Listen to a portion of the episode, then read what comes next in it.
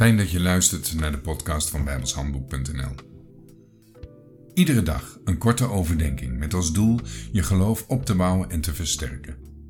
En dat doen we door een bladzijde uit het Bijbelsdagboek te behandelen. De muziek bij deze podcast is geschreven en uitgevoerd door Jack Andrew. Het is vandaag 27 februari. Ik wil beginnen met het lezen van Galaten 4, vers 7.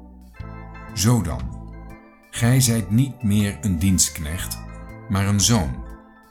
En indien gij een zoon zijt, zo zijt gij ook een erfgenaam van God door Christus. Zoon in de Bijbel heeft de betekenis van erfgenaam, zoals we het hier ook zien. Helaas wordt het Griekse woord voor zoon niet altijd met zoon vertaald. Op sommige plaatsen is het met kind vertaald, onder andere in Romeinen 8, vers 23, waar staat: En niet alleen dit, maar ook wij zelven, die de eerstelingen des geestes hebben, wij ook zelven, zeg ik zuchten in onszelf, verwachtende de aanneming tot kinderen, namelijk de verlossing van ons lichaam. En de aanneming tot kinderen moet eigenlijk vertaald worden met aanstelling tot zonen.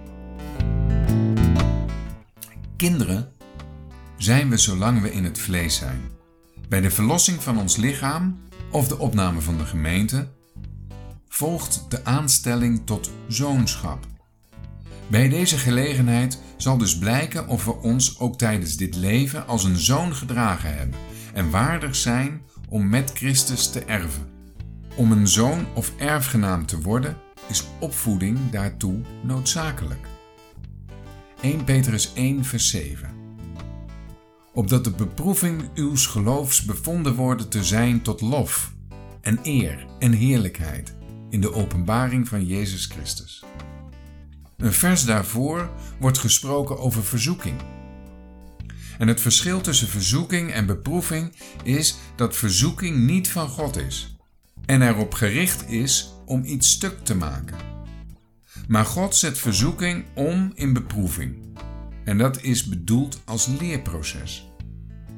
Ons geloof wordt getest en het is de bedoeling dat we daardoor sterker worden.